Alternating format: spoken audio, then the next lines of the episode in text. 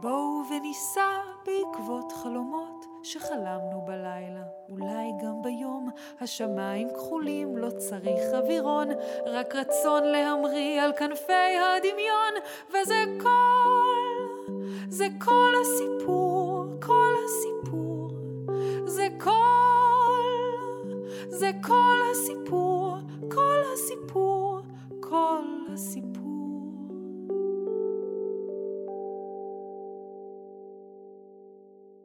גיבורל, מאת לידור יעקב. דודי, למה אתה לא אוכל?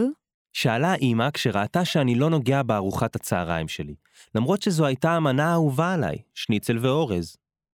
מהצד השני של השולחן, אחותי רותם הטביעה את השניצל שלה באגם של קטשופ. אני לא רעב, עניתי. קרה משהו? לא יודע. משכתי בכתפיים. אתה רוצה לספר לי? זה פשוט... בהפסקה הבנים מהכיתה החליטו לשחק מחניים. בן בחר את השחקנים לקבוצה שלו, ואורי לקבוצה השנייה. אבל אורי הוא... עצרתי. הרגשתי שעוד רגע הדמעות יברחו לי מהעיניים. מה עם אורי? אורי לא בחר בי לקבוצה שלו. אמא שתקה רגע, ואז אמרה, אני מבינה. זה באמת נשמע לא נעים. זה היה מעצבן, רטנתי. אז מה עשית? כלום. ישבתי לבד על הספסל מול המגרש והסתכלתי עליהם משחקים. אמא ליטפה לי את הראש. אורי הוא חבר טוב שלך. אני בטוחה שהוא לא התכוון להעליב אותך. הדברים שאמרה בלבלו אותי. אורי באמת היה חבר טוב שלי. החבר הכי טוב. אבל עכשיו כבר לא הייתי בטוח.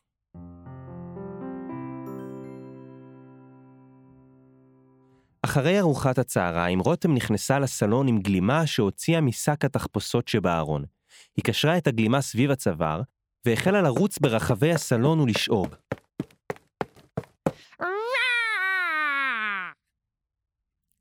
מה את עושה? אני גיבורל! היא השיבה. גיבורל? לא הבנתי. כן, גיבורל.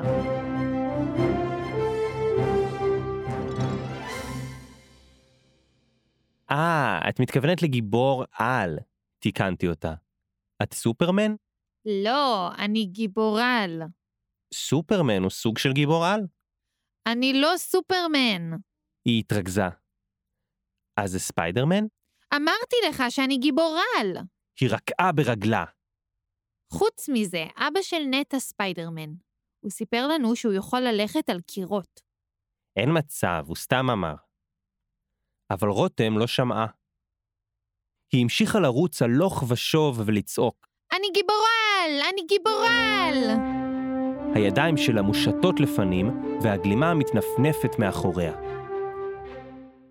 רותם, את בת, הזכרתי לה. את צריכה להיות גיבורת על. לא אכפת לי, אני גיבורל. אז איזה כוח יש לך? הנה, תראה. היא הרימה את הזרוע ועשתה אגרוף. היא לא מבינה כלום בגיבורי על. התכוונתי לכוח מיוחד, הסברתי. גיבורי על יכולים לעשות דברים בלתי רגילים, למשל לעוף, להיות בלתי נראים, לראות אש מהידיים. אה, אז הכוח שלי הוא להתעקש. היא הכריזה. להתעקש זה לא כוח. זה כן כוח. אפילו יעל הגננת אמרה שאני עקשנית בצורה בלתי רגילה. היא פסקה. טוב, רותם, לא משנה. התרחקתי לעבר החדר. לא היה לי חשק להמשיך להתווכח, וחוץ מזה, הייתי צריך להכין שיעורי בית. כשהתיישבתי ליד שולחן הכתיבה, גיליתי שהתיק שלי נשאר בכניסה לבית. אוף. רותם, את יכולה להביא לי את התיק שלי? לא רוצה! שמעתי אותה עונה לי מהסלון, ואז עלה לי רעיון. אבל רותם! קראתי בקול רם. גיבורי על עוזרים לאנשים, זה מה שהם עושים. באמת? הראש שלה הציץ אל תוך החדר. כן, לא ידעת? זה התפקיד שלהם. גיבורי על מצילים אנשים, שומרים עליהם שלא יקרו להם דברים רעים, וגם עוזרים כשצריך. רותם האזינה לי בריכוז. אז אם את באמת גיבורת על, אה, סליחה, גיבורה על, את צריכה לעזור לי. היא עשתה את הפרצוף החושב שלה ואמרה, אוקיי. בתוך רגע היא עמדה לידי עם התיק שלי. זה עבד. בטח יימאס לה עוד מעט, חשבתי לעצמי. אז בינתיים, כדאי שאבקש ממנה כמה שיותר דברים. עידודי, קראה אמא בדיוק כשסיימתי להכין את שיעורי הבית. הבטחת שתסדר את החדר. רותם, אני צריך עזרה פה בחדר. ידעתי שעכשיו, כשהיא גיבורה על, היא לא תוכל לומר לי, לא רוצה. או אני לא חייבת. אף פעם לא ראיתי אותה זזה כל כך מהר. היא עברה מדבר לדבר, ובתוך כמה דקות החדר היה מסודר לגמרי. אה, גם את זה. הוצאתי את כל חלקי הלגו שהחבאתי מתחת למיטה כשלא התחשק לי להחזיר למקום. רותם אספה אותם מיד אל הקופסה. גיבורה על, את יכולה לעזור לי? הנפתי לעברה את כפות הרגליים שלי. אפילו אני כבר לא יכולת לסבול את הריח שלהן. רותם סתמה את האף ביד אחת, וביד השנייה הורידה לי את הגרביים. מה לעשות עם זה? היא שאלה. תעיפי אותה מפה. לפני שהספקתי להבין מה קורה, רותם נעמדה על המיטה וזרקה את הגרביים מהחלון. מה עשית?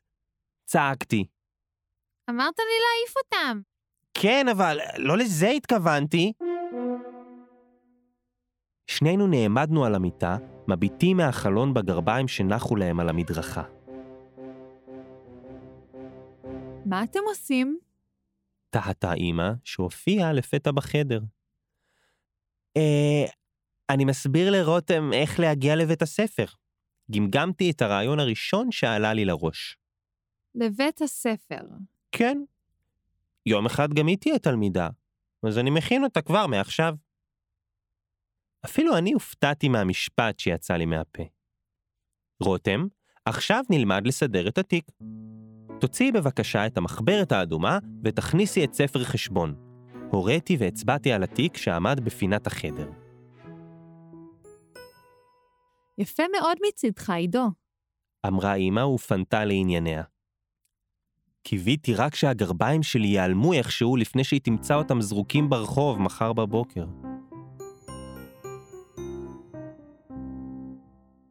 הייתי יכול להמשיך כך עוד הרבה זמן. אבל אז צלצל הטלפון. עידודי, קראה אמא. זה בשבילך. הלו? היי עידו. אורי קרא לי מצידו השני של הקו. אורי המעצבן, בכלל לא היה לי חשק לדבר איתו. תגיד, אתה יודע מה היו שיעורי הבית בחשבון? הוא שאל. ברור שידעתי.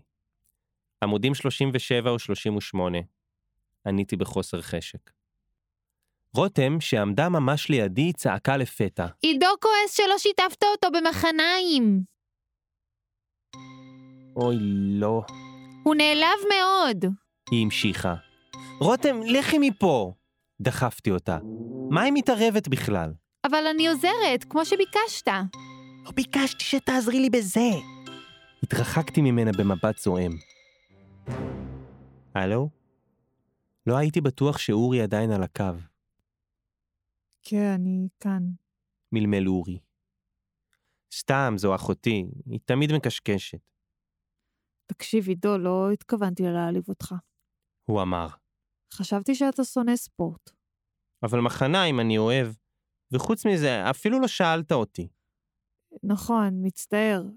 אני, אני אדע לפעם הבאה. הוא הוסיף. כן, לא נורא, בפעם הבאה. חזרתי אחריו.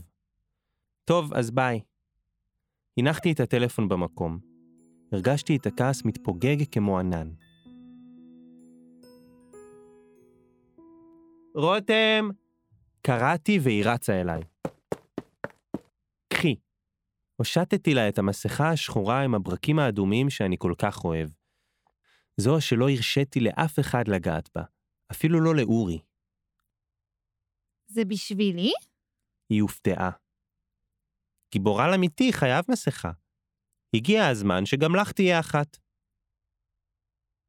רותם חבשה את המסכה, אישרה את הגלימה ורצה להביט בעצמה במראה, ואני עקבתי אחריה עד שנעלמה במסדרון. אולי זה לא כל כך נורא שהיא סיפרה לאורי שנעלבתי, חשבתי פתאום. אולי בעצם זה בדיוק מה שגיבורי על אמורים לעשות.